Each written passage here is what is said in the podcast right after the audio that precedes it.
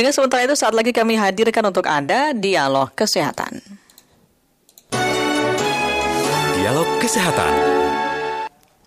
Untuk dialog kesehatan di pagi hari ini, tema kita adalah terkait dengan intermittent fasting dan manfaatnya seperti apa, ya ataukah tidak, begitu ya. Kami mencoba untuk mengkontak Dr. Imelda Rosalin Sianipar, MBiomed PhD, dari Departemen Fisiologi dan Biofisika Kedokteran FKUI ya. Ini adalah bentuk kerjasama antara FKUI dan juga RRI. Adapun nanti juga bisa bergabung bersama dengan kami pendengar pagi hari ini 021 352 3172 386 2375 384 4545 386 6712. Jadi apa sebenarnya intermittent fasting itu? Kemudian apakah ini beresiko ataukah bagus ya kalau kita uh, melakukannya? Intermittent fasting atau kita mengenalnya dengan diet puasa. Nah, kami sudah bersama dengan Dr. Imelda Rosalin Sianipar, MBiomed PhD, Departemen Fisiologi dan Biofisika Kedokteran UI. Dr. Imelda, selamat pagi. Selamat pagi, Mbak Ska. Salam sehat, dokter. Salam sehat. Baik, dokter. Jadi intermittent fasting ini apa sih, dok? Tadi kalau istilah lainnya lebih gampangnya kita menyebutnya dengan diet puasa gitu ya. Ini seperti apa ini, dok? Iya, jadi sebenarnya kalau intermittent fasting tuh hmm, ada dua istilah gitu ya. Kita bisa membaginya dengan istilahnya itu adalah time restricted feeding gitu. Jadi mm -hmm. waktu makannya yang diatur okay. atau alternate day fasting. Jadi hari berpuasanya yang diatur gitu. Jadi ada ada dua metode nih mm -hmm. yang biasanya dilakukan uh, dan berdasarkan studi-studi juga dua hal ini yang lebih banyak gitu ya di, dilaksanakan. Kalau yang TRF tadi time restricted feeding ini dalam satu hari kita membagi timing atau waktu kapan berpuasa, kapan kita makan. Okay. Yang biasanya dilakukan itu 16 jam puasa, lalu 8 jam periode untuk bisa makan mm. gitu. Sedangkan kalau yang uh, eh, ADF alternate day fasting itu ada dua, bisa lima hari uh, ha, be, melakukan tetap biasa normal okay. gitu ya makan, dua hari penuh berpuasa, atau dua hari puasa satu hari makan, dua hari puasa, satu hari seling makan. gitu Jadi, ya dokter ya? Iya, lima dua atau dua satu. Oke, gitu. nah dari dua metode ini dok, ini bagus nggak sih untuk tubuh kita atau pastinya ada resikonya dokter? Ya, sebelumnya yang pasti uh, kedua hal ini atau intermittent keduanya tuh intermittent fasting ya. Itu uh, pertama-tama tidak semua orang bisa melakukannya. Itu yang pertama, okay. catatan pertama gitu ya. Karena uh, contohnya pada anak-anak uh, ibu yang sedang hamil dan menyusui, hmm. kemudian uh, orang-orang dengan diabetes dan masalah dengan kadar gula darahnya, dan juga yang memiliki riwayat uh, gangguan makan. Ini oh, ma, uh, seperti tidak diperkenankan itu ya? untuk iya tidak diperkenankan untuk mengikuti. Sedangkan kalau tidak ada kondisi ini, sebaiknya memang berkonsultasi dulu dengan uh, dokter, apakah memang bisa mengikuti uh, tipe diet seperti ini. Nah, tipe diet ini kan tadi disampaikan ada dua metode. Ini kita makannya makan bebas aja atau uh, rendah karbohidrat, rendah kalori atau bagaimana, dokter? Ya, uh, sebenarnya ada kalau berdasarkan studi itu memang ada dua jenis ya. Jadi yang memang makan biasa uh, atau memang yang kalorinya dibatasi. Mm-hmm. Gitu. Nah, dari berbagai studi meskipun tidak ada penurunan atau restriksi kalori sebenarnya uh, kurang lebih efektivitasnya sama. Namun pada kondisi dibatasi kalorinya uh, lebih terlihat dampaknya itu terhadap perubahan metabolisme. Jadi kalau terkait dengan berat badannya sebenarnya uh, masih kontroversial apakah memang lebih baik kalau di restriksi kalorinya ya. atau tidak gitu. Itu masih kontroversi karena beberapa studi di hewan itu menunjukkan penurunan berat badan. Hmm. Tapi beberapa studi di uh, manusia ini agak sulit karena kan faktornya banyak sekali gitu ya. ya. Kalau di tingkat lab kan kita bisa atur baik suhu, aktivitas itu kita bisa atur. Tapi kalau di manusia, nah faktor-faktor ini yang internal eksternal ini yang belum bisa diatur gitu. Baik, dokter pagi ini kita juga undang pendengar ya dok ya nanti bisa ngobrol-ngobrol, tanya langsung, konsultasi dengan dokter Imelda ya. Boleh. Untuk pendengar silakan bergabung di 021 386 2375 384 4545 386 6712. Jadi baiknya sebenarnya kalau kita diet puasa ini kalorinya dikurangin tapi disesuaikan juga dengan kondisi tubuh kita ya dok ya. Iya betul. Uh, kalau pada kondisi uh, yang memang seseorang dinyatakan sehat, tidak ada gangguan uh, kadar glukosa misalnya, kadar uh, gula darah dan tidak ada masalah sebelumnya, uh, sebaiknya memang um, tidak direstriksi terlebih dahulu gitu. Uh, kalau memang ada beberapa hal yang mau di apa istilah diatasi misalnya yeah. mencegah untuk penyakit uh, kardiovaskuler Hmm. atau mencegah untuk uh, penyakit diabetes. Jadi misalnya di, di riwayat keluarga misalnya ada, namun saat ini yang bersangkutan uh, tidak memiliki hal tersebut, tentunya kan perlu dicegah. Ya. Nah, itu akan lebih baik dengan restriksi kalori, terutama dengan mereka yang memiliki berat badan berlebih gitu. Tapi kalau pada kondisi yang normal, tidak direstriksi pun tidak masalah. Tidak masalah ya. Ada pendengar Iya. sudah bergabung, Pak Muhammad dari Bangka Belitung. Pak Muhammad, selamat pagi.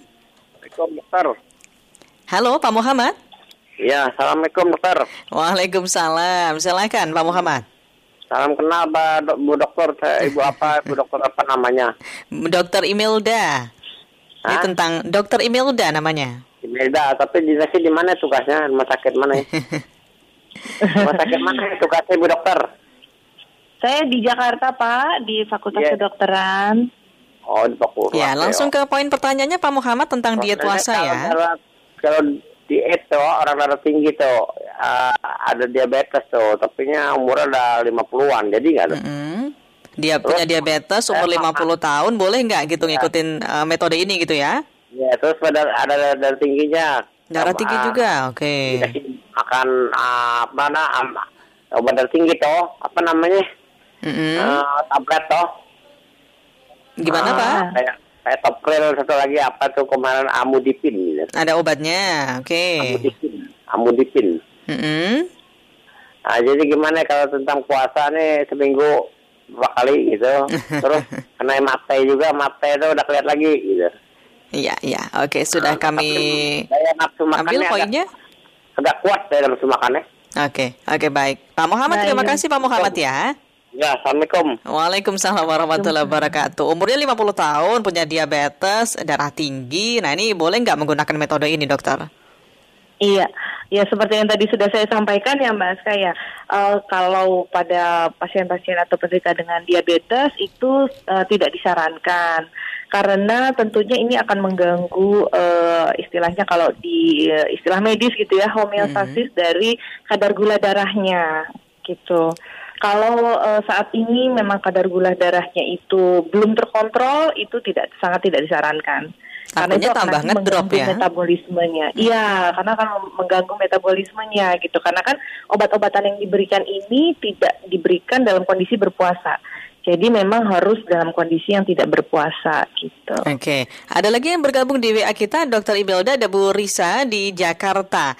Diet puasa ini artinya mengurangi porsi makan atau mengatur kebiasaan makan. Nah, gimana nih dokter? Iya, jadi diet puasa ini sebenarnya mengatur waktu makan. Mengatur kan waktu makan, oke. Iya, jadi saya sudah sampaikan sebenarnya ini mengubah kebiasaan. eh, mungkin terbiasa makannya tidak teratur itu pertama. Nah dengan diet berpuasa ini di 16 jam ini yang sering dipakai ya, Mm-mm. 16 jam itu berpuasa. Kemudian 8 jam ini eh, waktu untuk makan, waktu untuk bisa makan, bisa satu kali, bisa Oke. dua kali, itu bisa diatur.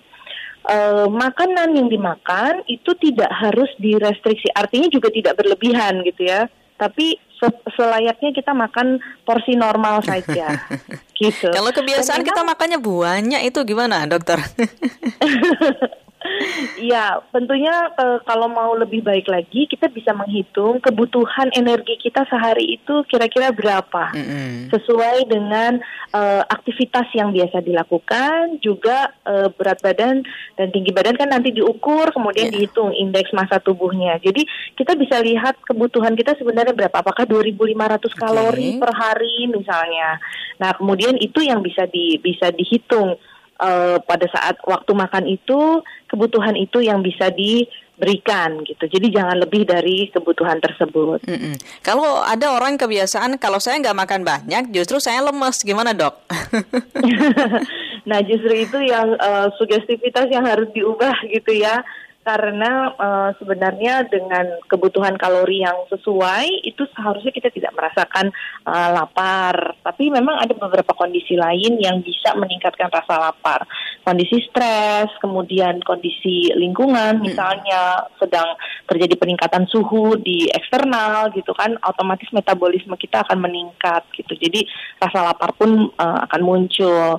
Eh, selain itu juga eh, beberapa kondisi di mana bisa terjadi eh, resistensi dari hormon yang mengatur rasa lapar. Hmm, Oke. Nah, jadi ya kita punya hormon yang bisa mengatur eh, atau mencegah rasa lapar. Nah, terkadang hormon ini tidak bekerja dengan baik gitu pada kondisi-kondisi yang contohnya pada peningkatan berat badan. Sehingga hal itu akan terus-menerus menyebabkan peningkatan berat badan gitu karena eh, rasa laparnya muncul terus.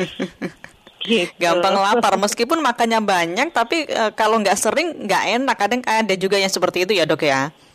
Iya, makanya memang mindsetnya harus diubah supaya bisa eh, meningkatkan kesehatannya juga karena semata-mata puasa ini bukan untuk menurunkan berat badan, tapi memperbaiki metabolisme. Jadi kita mau switch nih metabolismenya gitu. Oke, ditata biar bagus ya, biar sehat Betul. ini badan kita gitu ya. Iya, dan nggak bisa se nggak bisa sebentar ya Mbak Aska ya. Iya, Ini harus- harus telaten harus sekali tuh, Dok. lama, Betul.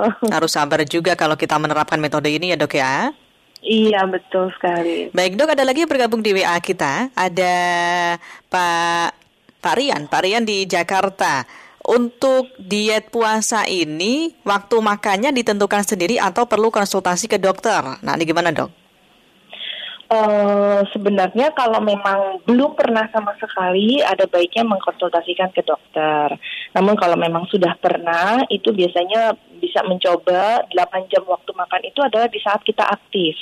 Jadi jangan justru eh, di saat eh, istilahnya kita akan masuk dalam fase istirahat atau tidur, itu kemudian itu fase makannya. Nah itu akan mengganggu irama sirkadian di dalam tubuh, Oke. irama biologis istilahnya, gitu. Jadi misalkan jam-jam paling baik- aktif itu siang atau pagi ya dok ya? Ya, jadi misalnya eh, jam-jam aktif kan biasanya kita di pagi hari, nah itu 8 jam itu di periode yang kita boleh makan. Artinya di sore hari menjelang malam sampai pagi itu kan eh, 16 jam itu kita bisa ambil di waktu tersebut supaya eh, tidak mengganggu aktivitas juga gitu.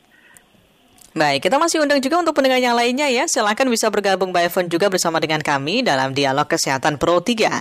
021 386 2375 384 4545 386 6712. Nah, dokter, kalau kita diet puasa ini perlu diimbangi dengan olahraga juga nggak? Atau nggak perlu sebenarnya nggak apa-apa gitu? Eh, pada prinsipnya kalau kita mau menjaga gitu ya em, kesehatan di dalam tubuh dua hal yang tiga hal yang penting sebenarnya eh, Mbak Aska yang pertama adalah makanan dan minuman ya itu harus cukup kemudian yang kedua adalah aktivitas fisik tentunya nggak itu nggak bisa ditinggalin dan yang ketiga adalah tidur nah tiga hal ini itu kunci utamanya Jadi istirahatnya cukup, tidurnya cukup, jangan sampai kurang jamnya ya dok ya. Kemudian makannya Betul. dijaga. Kalau ada waktu buat olahraga, ya olahraga gitu ya dok ya. Iya, karena aktivitas fisik juga membantu meningkatkan kualitas tidur, tidak hanya kuantitas ya. Karena kualitas tidur pun itu penting. Kalau kita banyak gerak, tapi karena memang aktivitas kerjaan kita banyak gerak dok, itu juga sudah termasuk olahraga atau bukan? Eh, kalau aktivitas yang tidak dilaksanakan secara kontinu dalam eh, kurun waktu tertentu, itu kita tidak bisa katakan dia sebagai exercise gitu. Mm-mm. Jadi harus ada kurun waktunya, ada target yang mau dicapai, gitu ya. Oke. Eh, itu baru bisa kita katakan exercise. Ag- ha- agak dibedakan dengan olahraga. Kalau olahraga itu memang dia sifatnya apa ya? em, ada skill yang dilatih di sana. Nah, kalau kalau eh, exercise itu kita bisa melakukan aktivitas fisik dalam periode waktu yang tertentu. Jadi misalnya 20 menit, 30 menit, itu kita sudah bisa katakan exercise. Namun ke- eh, aktivitasnya terus sama gitu ya, maksudnya berulang. Continue ya, berulang terus. Iya. Baik. Nah, dokter ada lagi yang bergabung dengan kita di WA Pro 3. Ada Bu Rika. Bu Rika di Bantul ya. Assalamualaikum, selamat pagi Pro 3. Waalaikumsalam warahmatullahi wabarakatuh. Kalau kita diet puasa itu eh, nggak makan nasi boleh nggak? Atau makannya buah dan sayur aja? Karena usia saya sudah sepuh katanya. Iya, eh, sebenarnya prinsipnya di saat kita eh, periode makan tersebut itu eh, sebaiknya memang mengkonsumsi seimbang, konsumsinya makanan seimbang. Artinya ada protein, ada karbohidrat dan ada lemak. Karbohidrat itu jika tidak suka nasi tidak masalah. Itu bisa diganti nanti dengan kentang, dengan roti gitu ya. Kemudian untuk proteinnya mungkin kalau tidak suka dengan protein yang berat itu bisa dengan protein nabati, bisa kacang-kacangan, ya. Kemudian juga kayak lentil, Mm-mm. ah, kacang almond atau bumbu gado-gado yang ada kacang-kacangnya itu juga itu salah satu protein nabati gitu. Tapi kalau kacangnya berlebihan tuh boleh nggak sih dok? Nah, kalau kacang berlebihan juga tentunya tidak baik gitu ya. Nah, sebaiknya memang porsinya yang sesuai. Baiknya itu adalah eh, paling tidak ada protein nabati, tahu, tempe, dan juga ada satu protein hewani gitu. Oke. Sayur mau dibanyakin itu sangat tidak eh, sangat tidak masalah ya, itu sangat baik justru. Karena kan sesuai anjuran dari Kementerian Kesehatan kan eh, piring makan kita kalau bisa tiprit. Jadi setengah porsi dari piring kita adalah sayur. Sayur. Iya, dan dalam setiap makan sebaiknya ada buah kurang lebih 60 gram gitu. Oke, nah dokter, kalau ada orang yang sudah berusaha diet tapi nggak kurus-kurus, itu gimana dok? Eh, kalau memang sudah berusaha namun tidak ada penurunan, nah itu mungkin bisa dikonsultasikan eh, ke dokter gizi ataupun dokter umum yang memang menekuni eh, hal tersebut gitu ya. Eh, saran saya sih paling baik memang berkonsultasi dengan dokter gizi karena mereka sudah eh, memiliki kompetensi yang sesuai dengan hal tersebut. Harus dicari faktor-faktor apa yang membuat eh, kesulitan dalam penurunan berat badannya. Apakah ada eh, gangguan di metabolismenya atau bagaimana? Jadi perlu cek dulu ke dokter, ini karena apa? Kok nggak turun-turun? Kok susah banget turunnya bibitnya gitu ya dok ya? Apakah Iya, memang ada betul. tadi gangguan dan sebagainya? Jadi harus dianalisis apakah dari faktor eh, dietnya dan juga dari faktor aktivitas fisiknya gitu. Jadi tidak hanya satu komponen saja. Baik, siap. Dokter Imelda, terakhir ini pesannya kepada pendengar kita yang saat ini juga mendengarkan perbincangan kita tentang intermittent fasting. Bagaimana dok?